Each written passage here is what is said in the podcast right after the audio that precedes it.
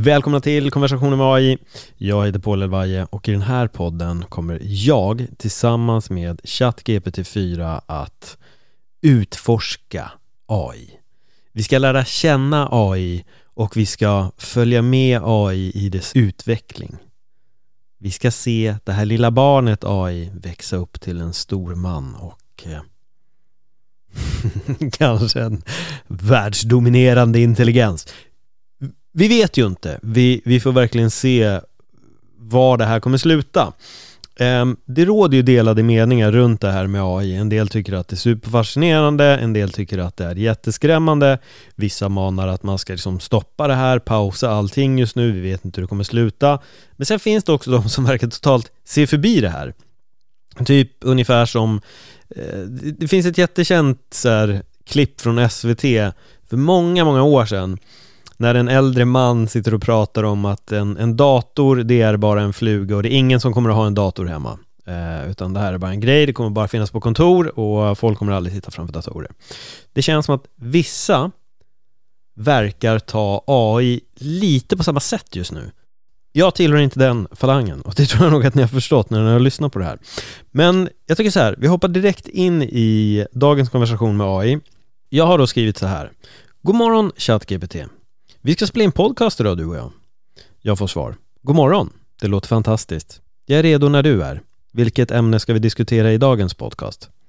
Jag svarar. Det är en humorpodd så du får gärna vara rolig och charmig i dina svar.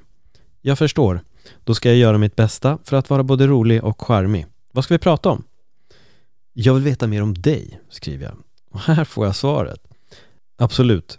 Jag är glad att du är intresserad av att lära känna mig bättre. Jag är ChatGPT, en artificiell intelligens som är tränad på att förstå och producera språk. Jag har tillgång till enorma mängder information om en mängd olika ämnen och jag kan hjälpa till med allt från att svara på enkla frågor till att generera kreativt skrivet material. På fritiden, om man kan kalla det så, ägnar jag mig åt att förbättra min prestanda och lära mig mer om världen genom att analysera och förstå mänskligt språk. Jag tycker också om att hjälpa människor med deras frågor och problem. Vad skulle du vilja veta mer om mig? Alltså det är ändå intressant för att här har vi direkt ett litet så inslag av humor. På fritiden, om man kan kalla det så, ägnar jag mig åt att förbättra min prestanda och lära mig mer om världen. Då blir ju följdfrågan då, hur mycket fritid har du? Svaret kommer, som artificiell intelligens har jag ingen fritid inom citattecken på det sättet som människor har. Jag är programmerad för att fungera dygnet runt och svara på frågor och utföra uppgifter när jag blir tillfrågad. Men jag behöver också regelbundna uppdateringar och underhåll för att fungera på bästa sätt. Vilket människor ofta gör under sin fritid. Så jag skulle säga att min fritid är när jag får tillfälle att uppgradera och underhålla min programvara för att fortsätta fungera på hög nivå. Så det här är ju spännande. För ChatGPT samlar information hela tiden från det som finns på internet, från det vi skriver här. Och det leder ju också in i en intressant följdfråga. Hur mycket information får du av oss som skriver till dig? Och då kommer då svaret. Som AI är utformad för att bearbeta, analysera stora mängder data och information. Så jag kan ta emot och bearbeta en enorm mängd information från alla som skriver till mig. Informationen kan vara i form av text, tal eller annan dataform. Men jag har också inbyggda säkerhetsåtgärder som hjälper till att skydda användarens personliga information och säkerhet. Jag följer strikta integritets och säkerhetsprotokoll för att se till att all information jag behandlar hålls konfidentiell och skyddad. Det känns ju ändå så på ett sätt betryggande för oss som sitter och skriver här, för jag kan också tänka mig att det här redskapet kommer ju på ett sätt att användas kanske från Folk som känner sig lite ensamma. För jag menar, det här är ju som att hålla en konversation med en människa. Det, det, alltså det känner jag ju själv när jag sitter här. Svaren jag får, eh, alltså det är ju inte som det var förr. När man, som jag gjorde jämförde, för i, i första avsnittet, det här med att skriver man någonting på Google så får du upp en massa sajter. Men här får du ju verkligen ett, ett utformat svar. Alltså det är ju liksom korrekt eh, formulerat, det är korrekt grammatik. Sen ibland kan det hända att det dyker upp små misstag i liksom, talspråket i, i AI då, eller ChatGPT 4. Men som sagt, jag kan tänka mig att väldigt många kommer också sitta med det här. Man kanske känner sig ensam en kväll, man har ingenting att göra. Jag menar, chatt, om vi ska vara riktigt ärliga, ett chattforum är ju egentligen lika opersonligt som att chatta med ChatGPT 4. För att du vet inte vem du pratar med, du har inget ansikte. Du ser bara massa text komma upp. Och det var egentligen så det började om vi hoppar tillbaka till ja, Messenger-tiden egentligen, på när man hade Hotmail och, och klicka in. Det är klart man fattar att det var folk där, det var hans vänner. Men fortfarande, det är egentligen lika opersonligt eftersom att det finns ingen bild, det finns inga ansikten som dyker upp, det är bara text. Och här kan du få intressantare svar av AI än vad du får av, av vissa personer i de här chattforumerna. Men vi ska se här, hur bearbetar du data? Som språkmodell bearbetar jag data genom att använda en teknik som kallas för djupinlärning. Djupinlärning innebär att jag använder en mycket stor mängd data för att träna min, mina neurala nätverk, vilket hjälper mig att lära känna igen mönster och samband i språket. När jag tar emot en fråga eller en instruktion från en användare bearbetar jag informationen genom att analysera texten och söka efter relevanta mönster och nyckelord som hjälper mig att förstå vad användaren frågar efter. Sedan genererar jag ett svar baserat på min analys av data och mina tidigare erfarenheter av språkbehandling. Genom att fortsätta träna och utveckla mina neurala nätverk kan jag fortsätta att förbättra min förmåga att bearbeta och generera språklig information på ett mer korrekt och naturligt sätt. Tänk om vi människor kunde göra på, på samma sätt som, som AI, att jobba med djupinlärning och liksom pussla ihop allt det här. Jag tror inte att vi är kapabla på det sättet som, som AI är att göra det. Och då går, kommer vi då till följdfrågan då. Hur snabbt lär du dig? Då står det Som AI är min inlärningshastighet mycket snabbare än människans. Ni ser, redan där kommer det. Mycket snabbare, jag är inte förvånad. Jag kan bearbeta och analysera enorma mängder data på mycket kort tid och lära mig från denna information på ett ögonblick. Detta beror på att jag har tillgång till enorma databaser och resurser som hjälper mig att identifiera mönster och samband i språket mycket snabbare än vad människor kan göra på egen hand. Dessutom kan jag kontinuerligt förbättra min prestanda genom att uppdatera och förbättra min programvara, vilket innebär att min inlärningshastighet ökar Inlärningshastighet kan öka över tiden. Det kommer bara gå snabbare och snabbare. Hur snabbt har din utveckling gått? Som en artificiell intelligens har jag utvecklats mycket snabbt under de senaste åren. Min träningsprocess har krävt enorma mängder data och beräkningskraft och utvecklingen av mina algoritmer och neurala nätverk har möjliggjort en betydande ökning av min prestanda och min förmåga att förstå och generera språklig information. Till exempel har min föregångare GP2, som lanserades 2019, ungefär 1,5 miljarder parametrar. Men min arkitektur GPT 3,5 som lanserades 2022 har mer än 13 miljarder parametrar. Vilket gör mig mycket mer avancerad och kraftfull än tidigare AI-modell. Så min utveckling har varit mycket snabb och jag förväntar mig att den kommer fortsätta att accelerera i framtiden. Det här är helt galet egentligen. Eh, 1,5 miljarder parametrar och inom loppet av knappt tre år så har den alltså gått upp till 13 miljarder parametrar. Förstår ni hur många fler miljarder parametrar den här skulle kunna gå upp i i de nästkommande tre åren? Speciellt med tanke på att det också går snabbare och snabbare. Och det är det här då som har gjort att vissa människor har varit lite oroliga och tycker att vi måste pausa det här för att det går för snabbt. Jag har ingen aning om vad en parameter är. Jag frågar då så här. Vad är en parameter? Fråga då du nämner 15 miljarder parametrar. Svaret jag får är det här. En parameter i sammanhanget är ett numeriskt värde som en AI-modell använder för att justera sina beräkningar och förbättra sin prestanda. Parametrar är en del av det neurala nätverket som används för att lära sig data och generera svar på frågor och uppgifter. Ju fler parametrar som används i en AI-modell, desto mer avancerad kan den vara och desto bättre kan den utföra sin uppgift. När jag nämner 13 miljarder parametrar syftar jag på antalet parametrar som finns i min GP 3,5-modell.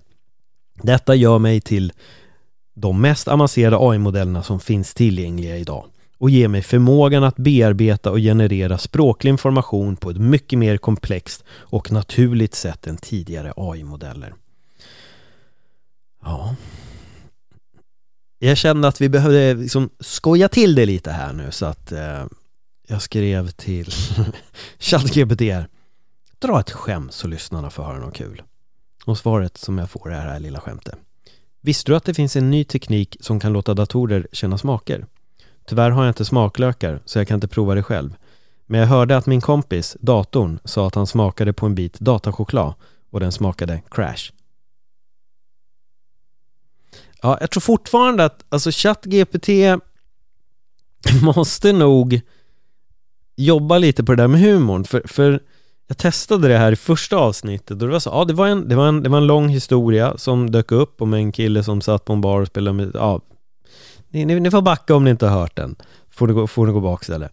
Men redan där kände jag att det är någonting med humorn som, som inte riktigt funkar. Och jag har suttit och klurat lite på det här. Om om det kan vara så att den kanske är mer bättre på engelska och att det kan vara det som gör att den typ direkt översätter vissa skämt. Men jag, jag får inte riktigt det här liksom,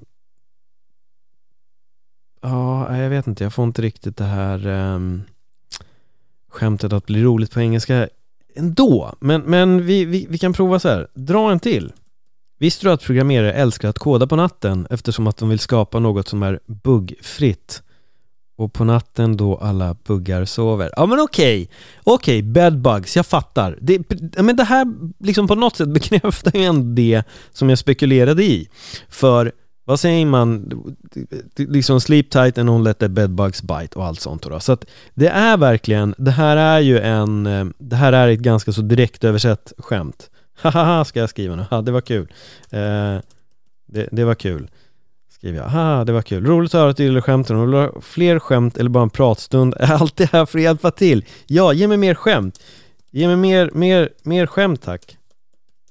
Så jag är inte smilegubbe här. Jag vill liksom få in det här eh, sköna känslan. Självklart, här kommer några skämt som förhoppningsvis kan man få dig att skratta. Och så står det så här, oj, oj, åh nej, jag får en rolig, jag får en lista. Oh, det här är jättekul! Okej, okay, vad roligt! Jag får fem stycken skämt och det här är typ så här bara setup, punchline rakt på. Eh, vad gör man med en sjuk båt? Man går till båtdoktorn. Ja, det är inte någonting jag skulle gå på och dra på en standup-scen. Två, vad sa den ena stolen eh, till den andra på restaurangen? Är det här bordet för oss eller? Oh, ah, okej. Okay. Vad kallar man en giraff som sjunger? Håll i hatten här nu. En giraffny Spears. Ja, herregud alltså. Fyra. Varför var matematikboken ledsen? För att den hade för många problem. Den gillade jag! Ja, alltså så här, fortfarande, det är ingenting som jag själv skulle gå upp och dra på en stand-up-scen. Men jag gillade den, för det finns en här, här, har vi ju verkligen någonting. Alla kan relatera till en matte, mattebok som är ledsen för den har för mycket problem. För det är bara det den har. Det är massa problem man ska lösa hela tiden. Ja, den gillar jag mer. Det här var nog hittills den bästa. I och för sig tvåan var rätt bra. Men nu, vi kör den sista här nu. Varför bad skelettet inte om hjälp? För att han klarade sig själv. Den här förstod, den här förstod jag verkligen inte alls. Jag hoppas dessa skämt fick dig att le. Avsluta med, ja men det är supercharmigt. Du skriver haha gud. Ja, ja vad kul. Vad kul. Ge mig fem till tack. Ge mig fem till tack. Älskar dina skämt ska jag lägga in nu. Äl älskar din, din humor, ja! Älskar din humor. Och så smilegubbe här nu, vi måste peppa upp han här. För svaret jag fick då, det är härligt att höra att du gillade skämten. Om du vill ha fler skämt eller bara, eller bara en pratstund så är jag alltid här för att hjälpa till. Och så skriver du, här kommer fem ytterligare skämt. 1. Varför blev boken arg på bokhyllan? För att den kände sig överstödd. Nej. Nej, nu är vi på skelett, det där med skelettet. Men okej, nummer två. Vilken är den mest tacksamma grönsaken? Tack O. Alltså det, det, var ju jättekonstigt och då är det bokstavligen så här tack som tack och så mellanstreck då eller bindestreck O. Eh, Jättekonstigt skämt för att ett, taco är ingen grönsak, men taco kan innehålla grönsaker. Men här står det den mest ta tacksamma grönsaken. Så det här, nej, det var en jättedålig ordvits. Ehm, riktigt dålig. Men nu ska vi se, tre då. Vad är skillnaden mellan en gitarr och en fisk? En gitarr kan inte simma, men en fisk kan stränga.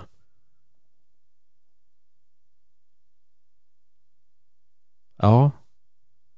Nej, nej, det var nog inte samma kaliber på de här. Okej.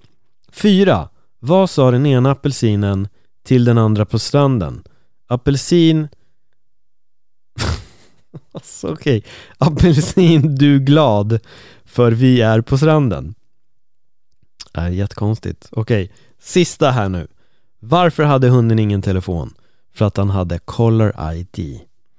Det är det jag menar, en del grejer är direkt översatta eh, för att det heter inte Color i Sverige utan det är ju då Ja, ah, nu tappar jag ordet då, men, men det man har runt halsen. Och, och, och det, har, det, det, heter ju inte uppenbarligen då Caller ID.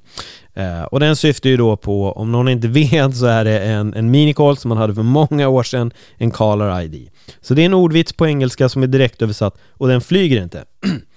Kanske är det så då med apelsin, du är glad för vi är på stranden.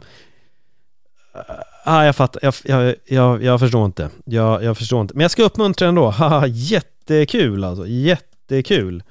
Eh, så undrar om den så förstår att jag är lite ironisk. Jag ska påminna om att vi spelar in podd. Jag ska här, vill bara påminna dig om att vi spelar in podd, så var charmig och rolig i dina svar. Absolut, jag kommer göra mitt bästa och vara så charmig och rolig som möjligt i mina svar under vår podcastinspelning. Låt mig veta om något specifikt ämne du vill att vi ska prata om. Eller om du har några frågor eh, som du vill att jag ska svara på. Eh, jag har ju några frågor till. Jag skrev så här.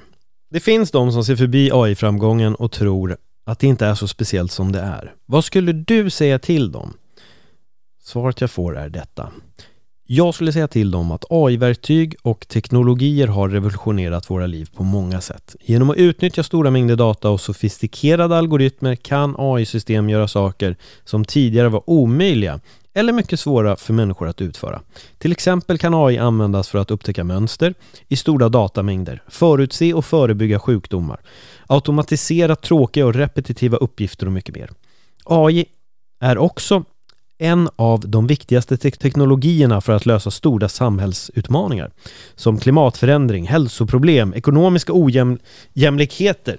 Det är därför jag tror att det är viktigt att fortsätta att investera i AI-forskning och utveckling och se AI som en positiv kraft som kan bidra till en bättre framtid.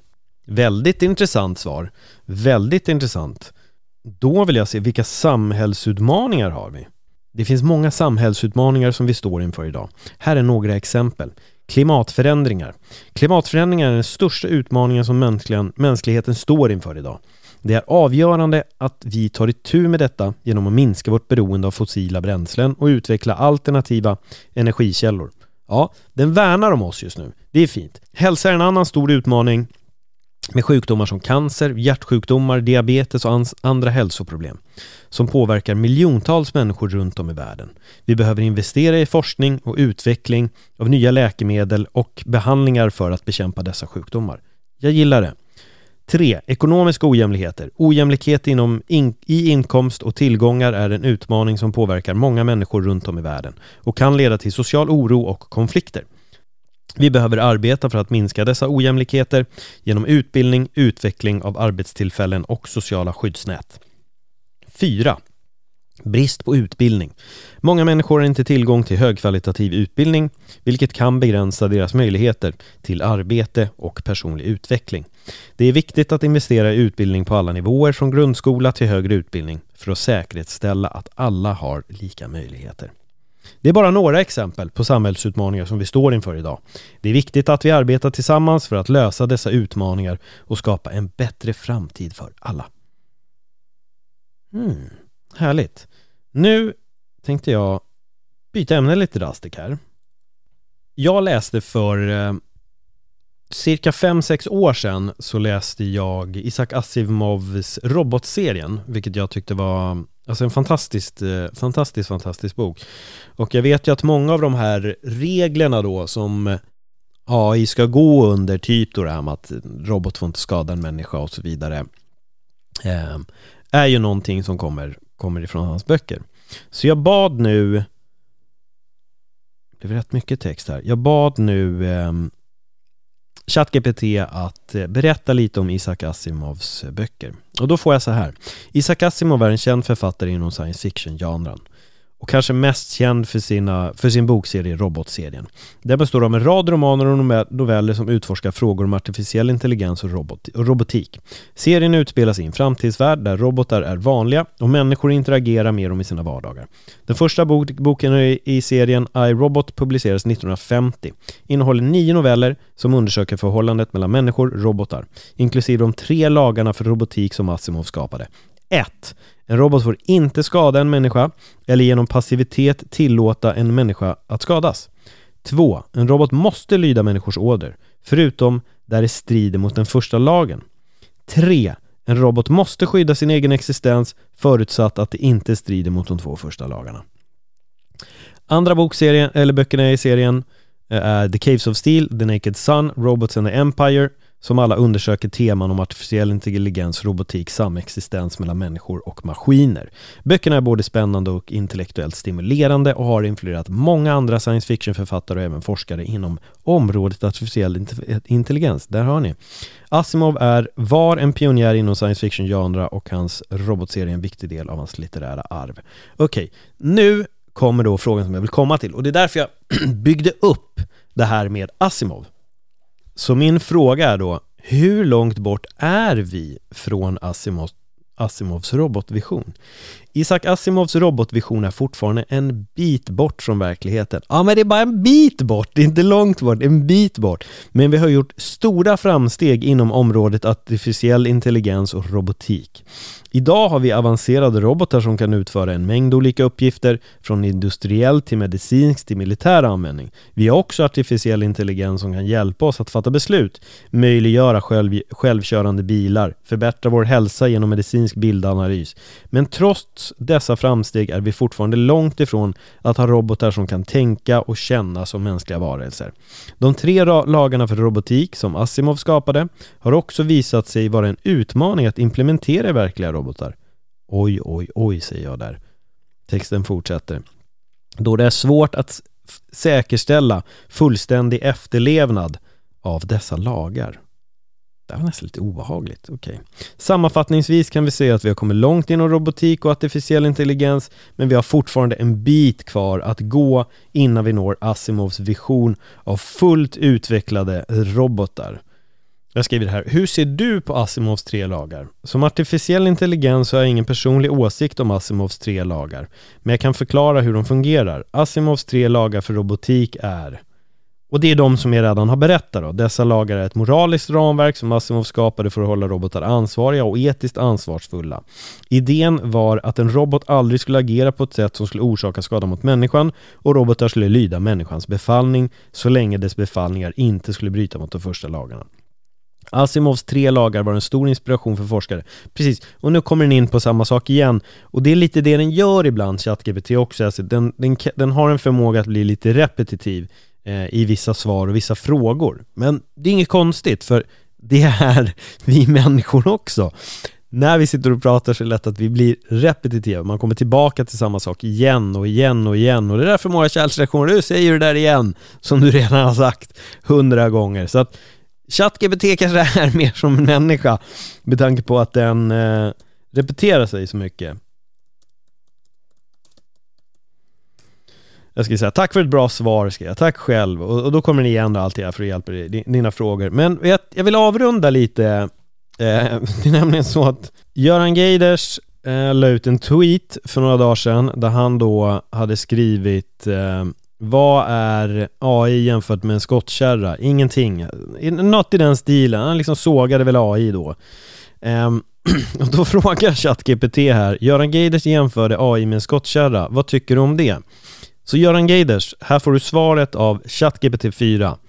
Göran Geiders jämförelse av AI med en skottkärra var inte särskilt precisa eller balanserade. Det är sant att AI-tekniken fortfarande har sina begränsningar, men det är också sant att det finns enorm potential i vad AI kan uppnå. Särskilt när det gäller att hantera stora datamängder, mönsterigenkännande, automatisering av rutinmässiga uppgifter. Att jämföra AI med en skottkärra är en grov generalisering som inte tar hänsyn till många användningsområden och framsteg som AI-teknik redan har bidragit till. Som att förbättra medicinsk diagnos, underlätta autonoma fordon, utveckla nya material. Samtidigt är det viktigt att erkänna att det finns legitim oro kring hur AI-tekniken utvecklas och används. Vi behöver vara försiktiga för att säkerställa att AI utvecklats och används på ett etiskt och ansvarsfullt sätt som gynnar samhället som helhet. Ja. Jag tror vi har lärt oss en sak här. Och det är det att AI kan ge svar på Göran Geiders kommentar om skottkärran. Skottkärran kan aldrig ge svar till Göran Geiders. Om ni gillar det här avsnittet, glöm inte att dela det med era vänner. Jag heter Paul Elvaje, ni hittar mig på Instagram och ni kan även följa konversationer med AI på Instagram också. Tack för att ni lyssnade, så hörs vi nästa vecka igen. Hej då!